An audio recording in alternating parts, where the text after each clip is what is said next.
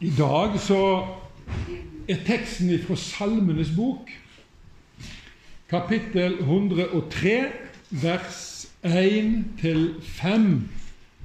Og der leser vi slik i Jesu navn. Velsign Herren mi sjel.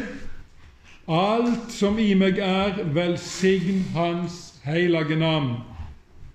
Velsign Herren mi sjel. Gløym ikke alt det gode Han gjør. Han tilgjev all di skyld og leker alle dine sjukdommer. Han frier ditt liv fra grava og kroner deg med miskunn og kjærleik. Han metter ditt liv med det gode. Du blir ung att som ørna. Merkelige ord, sterke ord ifra David.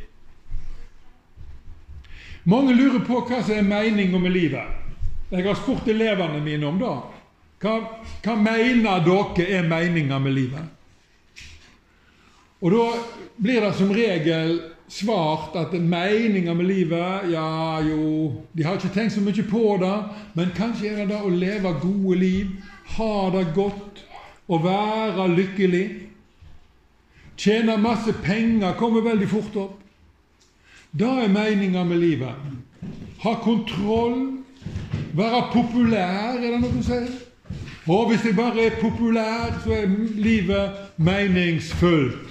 Men da er det meningsfullt så lenge folk er populære. I det øyeblikket populariteten minker, så minker meninga med livet. Og det er jo en sørgelig affære. Vi må ha det mer stabilt enn som så. Vi må ha en sterkere grunnvoll å stå på enn populariteten. Også rikdommen, for den kan veldig fort forsvinne, sier Jesus. Dere må ikke samle dere skatter på jorda der møll og rust tærer og tjuver bryter seg inn og stjeler. Nei, dere må samle dere skatter i himmelen, der verken møll eller rust tærer, eller tjuver bryter seg inn og stjeler. Og så kan vi spørre hvordan i all verden samler jeg meg skatter i himmelen, da? Har du tenkt på det?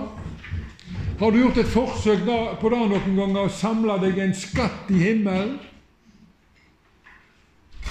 Ja, det er jo å vinne folk for Jesus. Det er jo de som er de store skattene. Det er folk som er den store rikdommen for Jesus. Og klarer vi å vinne ett menneske for Jesus i løpet av livet, da har du faktisk talt slått rekorden til de fleste kristne. Er du klar over det? For de fleste kristne vinner ikke ett menneske for Jesus i løpet av livet. Men hvis du klarer det, så ligger du veldig godt an til å få deg en skatt i himmelen. Og du vil ha et fellesskap i all evighet med den personen som aldri tar slutt, og som er så takknemlig for at du delte Jesus med han eller henne. Å, så bra! Du sikrer min framtid, du sikrer min evighet.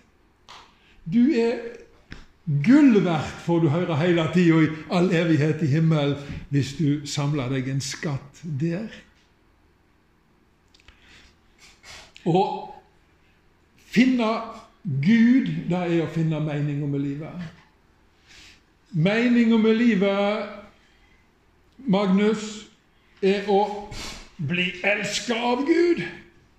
Og ta imot Hans kjærlighet slik som en blomst tar imot solstrålene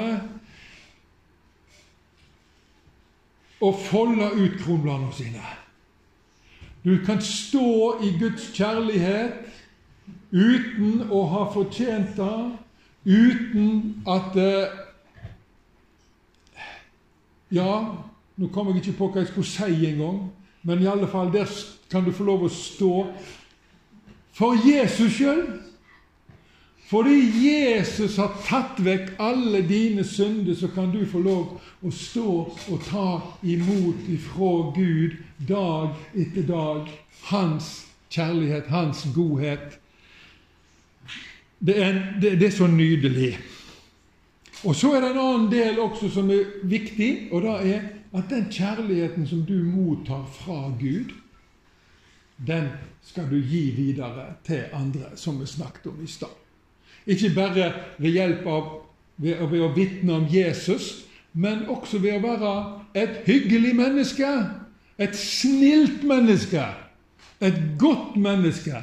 Og hvis du står og tar imot kjærlighet fra Gud hver eneste dag, så skal jeg garantere deg at du blir et snilt og godt menneske. Et hyggelig menneske å være i lag med. Med en gang du treffer en person som er uhyggelig, eller som er slem, så kan du være helt sikker på at denne personen, Magnus, står ikke og tar imot Guds lys. Vedkommende lever i mørket. Og lever vi i mørket, så blir vi fort litt ubehagelige og slemme.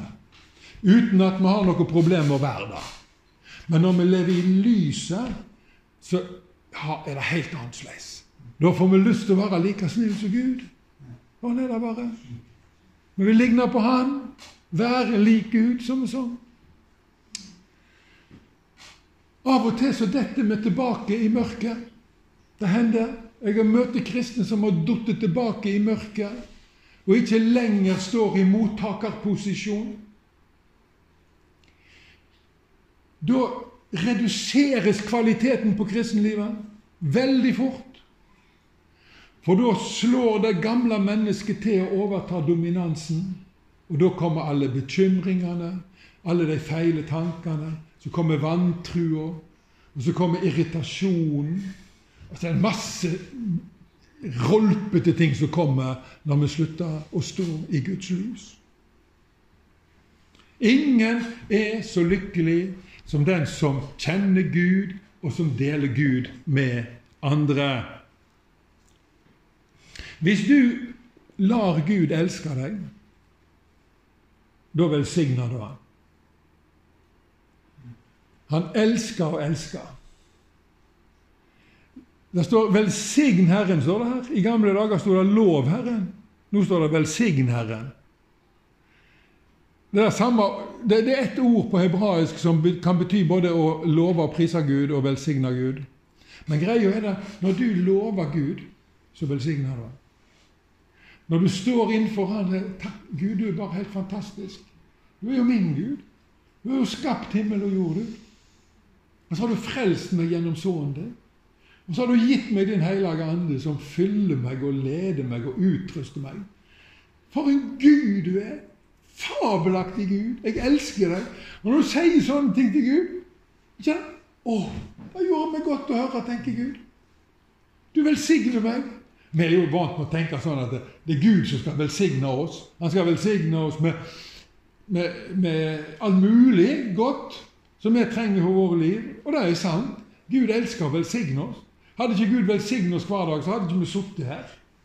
Men han bare elsker. Han aus. Han, lar sola si skine over rettferdige og urettferdige. Det er ikke noe forskjell på. Han er velsignelsens Gud. Men vi tenker sjelden på det at vi kan velsigne Han. Si gode ting til Han. Velsigne betyr si godt, betyr det. Vel er godt, signe kommer av å seie. Si gode ting til Gud. Så kan du tenke igjennom når var det sist du sa noe godt til Gud? Når var det sist du sa til Gud 'Du er bare helt fantastisk, Gud'? Husker du det? Ja, tenk litt på det. Da bør du begynne dagen med, selv om du er rufsen i hodet. Gud, altså. Du er den samme, og du er like fantastisk i dag som du var i går. Du er like god i dag som du var i går. Så, så begynner dette her å surre og gå. vet du. Så kan du ha det med deg gjennom dagen. Og så står det her at du skal ikke glemme hans velgjerninger. Tenk på det, du. Han har gjort så mye godt. Det ene er at han har skapt deg, han har forma deg i mors liv. Står det i Salme 139. Først så var du bare en sygote, et befrukta lite egg. Vet du hvor stor du var? Knappenålshove. Og det er ikke mange år siden du var et knappenålshove, Jan, Jan Ruben. Ikke sant? Enda kortere tid siden Levi Elias var et knappenålshove. Et knappenålshode var du! Der starta du! Og så begynte den der befrukta eggcella å dele seg. Så skjedde det fantastiske ting inni der som vitenskapen tror de forstår, men som de ikke forstår noen ting av. De overgår sine forestillinger om sin egen forståelse i supergrad. For det som skjer der Du får en en klump med stamceller, og plutselig så begynner disse stamcellene, som alle er nett like, å spesialisere seg. Og så er det noen som blir til øye, og så er det noen som blir til øre, og så er det noen som blir til nervesystem, og så er det skjelett, og så er det musk, hjertemuskel. Den begynner veldig tidlig å slå, allerede i veke fem, kanskje enda tidligere så spesialiserer cellene seg. Så får du muskelceller, og du får epitelceller epitelceller inni munnen din, og masse greier. En høy spesialisering. Det er et guddommelig mirakel. Du er et guddommelig mirakel, og du tenker ikke så mye over det. Men ikke vær som en katt, for katten tenker heller ikke over at han er et guddommelig mirakel. Ikke kua, ikke hunden og ikke edderkoppen. Tussalusa tenker ikke på det. Men folk flest tenker heller ikke på at de er guddommelige mirakel. De går rundt som tussalus i verden og tror at det alt er helt selvfølgelig. Nei, men vi er mennesker som er skapt i Guds bilde, og vi skal ikke tenke at det er selvfølgelig. Vi skal tenke at dette er Gud. Og når vi ser ei tussalus, så skal vi også si Guddommelig mirakel! Når vi ser en kaninunge da, De fått oppi nå i, i Eikeveien hos Kristin. og De har fått seks kaninunger. Nå har de ni kaniner. De starta med tre. Det går veldig fort i kaninverden. Det er guddommelig mirakel, men de tenker liksom Uff, hva skal vi gjøre med alle disse kaninungene? De tenker ikke guddommelig mirakel. De tenker liksom, de har fått et problem. Sånn tenker de. Men vi er mennesker som har Gud i oss. Vi skal tenke helt annerledes. Vi skal se helt annerledes på skaperverket. Og så skal vi love Herren da! Vi skal ikke glemme dine velgjerninger. Det er du som har gjort Gud, og du er fantastisk. Og jo mer du holder på med dette, jo sterkere vil du oppleve Gud som en levende Gud i ditt liv. For når du begynner å rose Han for hans mirakler, så tenker han Hoi, jeg skal jammen gi han en til. Jeg skal gi han ett mirakel til. Jeg skal gi henne ett mirakel til. For hun er så dette mennesket er så glad i miraklene mine. Da skal de få masse mirakel. Det er sånn Gud tenker, skjønner du. Din lovsang genererer mirakel i ditt liv. Er ikke det fantastisk? Men det er sånn det er. Vi glemmer ikke alle hans velgjerninger. og Derfor står det 'Han tilgir all de skyld'. Å, fantastisk! Jeg er blitt kvitt syndene mine. Det er størst av alt. Jeg husker første gangen jeg oppdaga at uh, egentlig så var jeg kvitt syndene mine, for det var blitt et problem for meg. Alle disse syndene som jeg hadde gjort, og alt det rare som jeg tenkte oppi hodet mitt, og uh, alt det negative som var inni meg. Jeg tenkte at Gud kan jo ikke elske meg med all den negativiteten, alt det som jeg har gjort, alt som jeg har tenkt, alt som jeg har sagt, ikke minst. Av tullete ting. For når du begynner å analysere alt du sier til folk, og så ser det i Guds lys, så tenker du Sa jeg virkelig det der? Hva er det med meg, da? Og så tenker du jeg er visst en synder. Jeg visst er du en synder.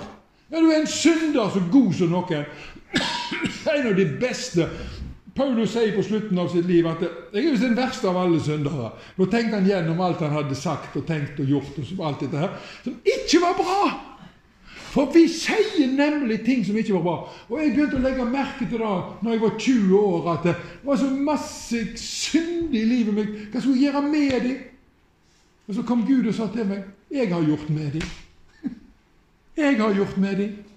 Jeg hengte dem opp på et kors. Jeg fjerna dem fra mitt åsyn. Du kan bare stå her igjen og ta imot av sola mi. Jeg skal bare elske deg jeg, for resten av ditt liv og i all evighet. Bare ta imot. Og Så begynte jeg å ta imot. Og der har jeg stått senere.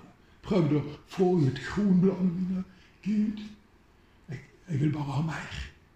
Jeg vil bare ha mer av alt dette fantastiske som du formidler ifra ditt hjerte til meg. Å, sånn har jeg stått. Og sånn vil jeg stå. Så er det alltid en fristelse for oss. la er bli opptatt av andre, masse andre ting. og det er klart Du kan ikke hele tida bare, bare, gå rundt og være opptatt av Gud. og Da forventer han ikke fra de og min side i hele tatt. For vi har en jobb, vi har en skole, vi har hobbyer, vi har venner, vi har idretter, vi har bla, bla, bla. Sant? Så vi må være Men tre ganger for dagen, sier han, skal dere være opptatt av meg.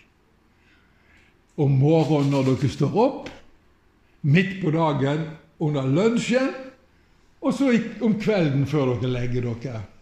Så skal dere vende deres blikk mot meg, så jeg får ausa min kjærlighet. For dere trenger maten.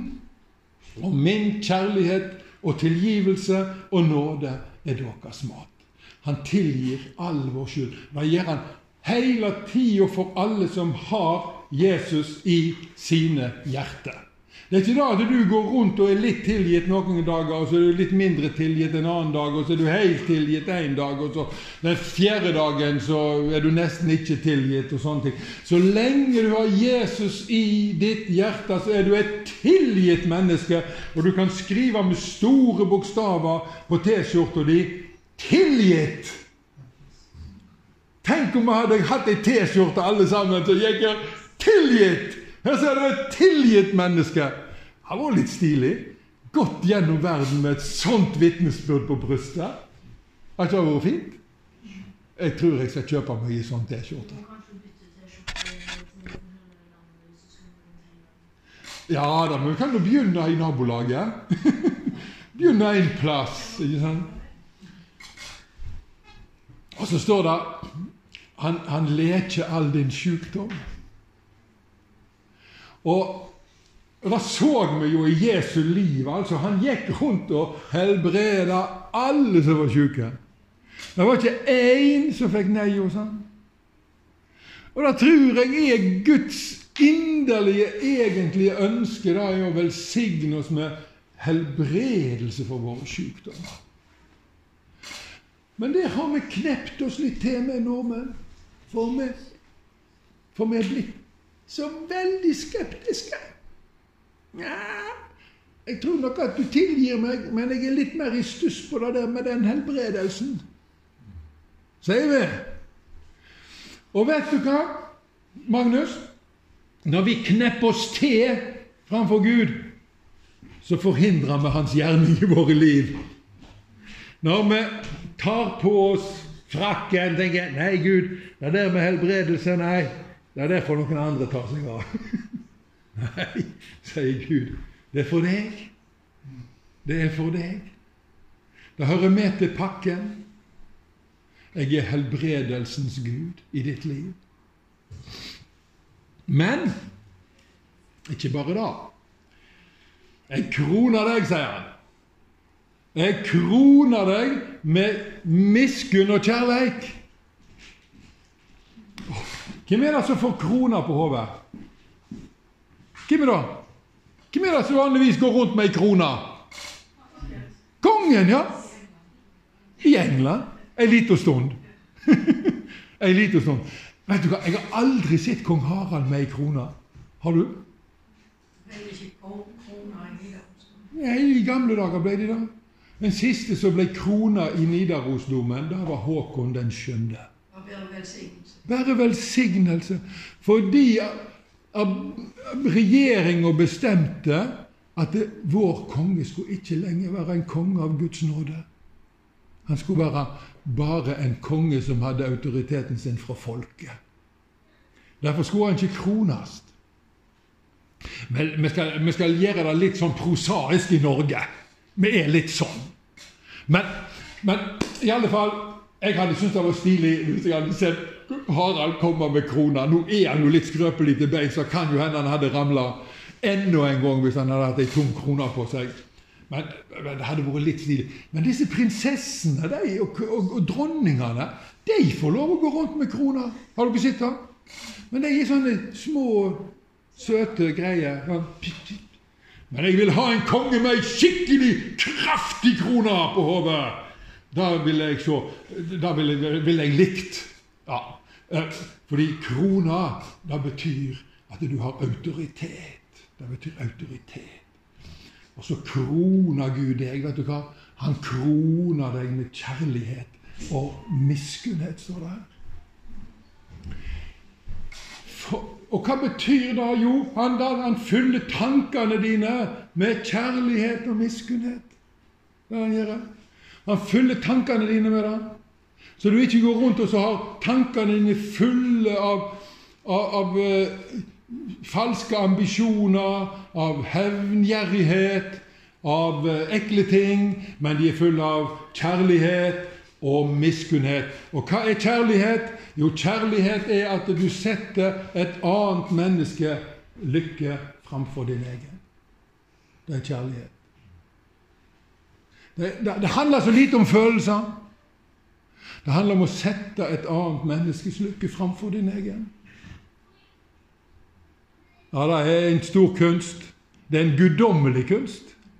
For vårt naturlige menneske er ikke sånn. Naturlig for meg er å sette min egen lykke framfor alle andres lykke. Min rett. Og min rett til ditten og rett til datten. Og jeg står på mitt Ja, dere må jo vite hvem dere har med å gjøre. Det er jo Jens Thoresen og Det er ikke noen tullegutter, vet du. Nei, dette er det gamle mennesket. Det som er født av Adam. Men jeg har et nytt menneske i meg som er født av Gud. Som tenker kjærlighet og miskunnhet. Din lykke skal være viktigere for meg enn min egen lykke. Og miskunnhet, vet du hva det betyr? Jeg tenker, ja, Det må være grådig varme følelser. Nei, det er ikke det. Miskunnhet er at du gir konkret hjelp til et menneske som ikke kan hjelpe seg sjøl. Det er miskunnhet. Ja.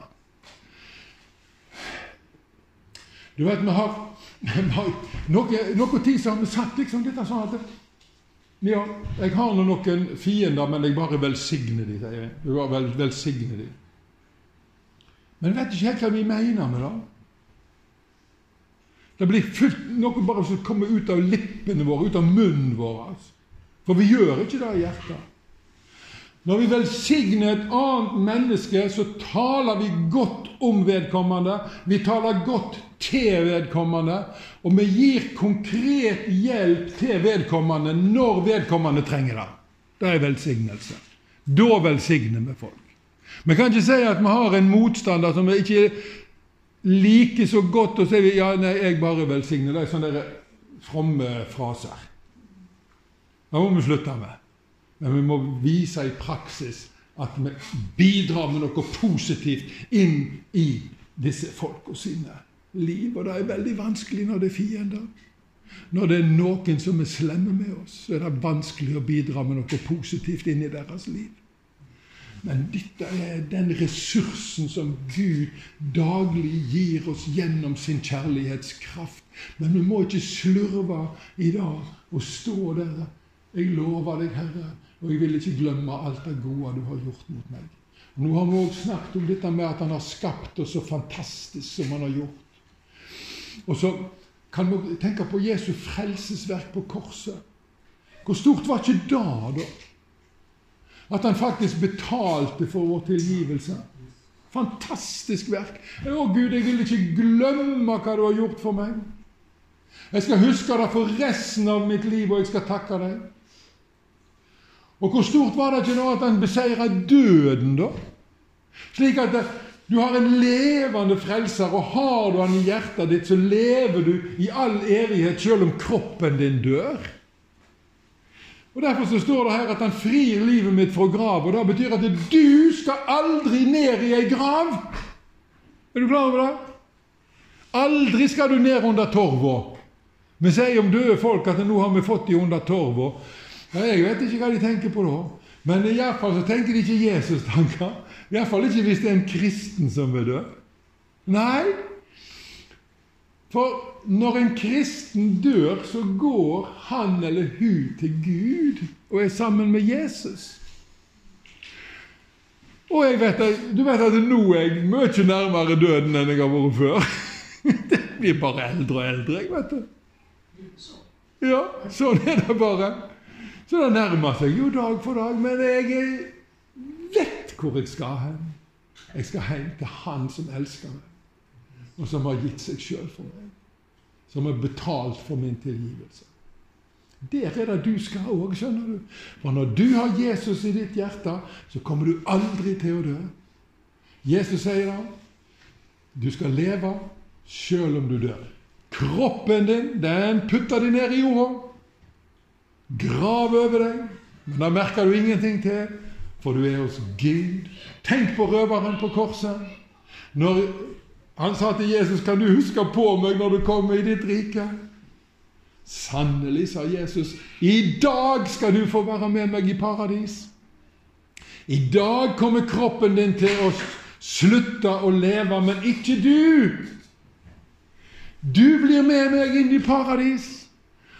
Og vi skal ha det morsomt for resten av evigheten. Hvor lang tid er ikke da, da? Dere må ikke tro at himmel blir en kjedelig plass.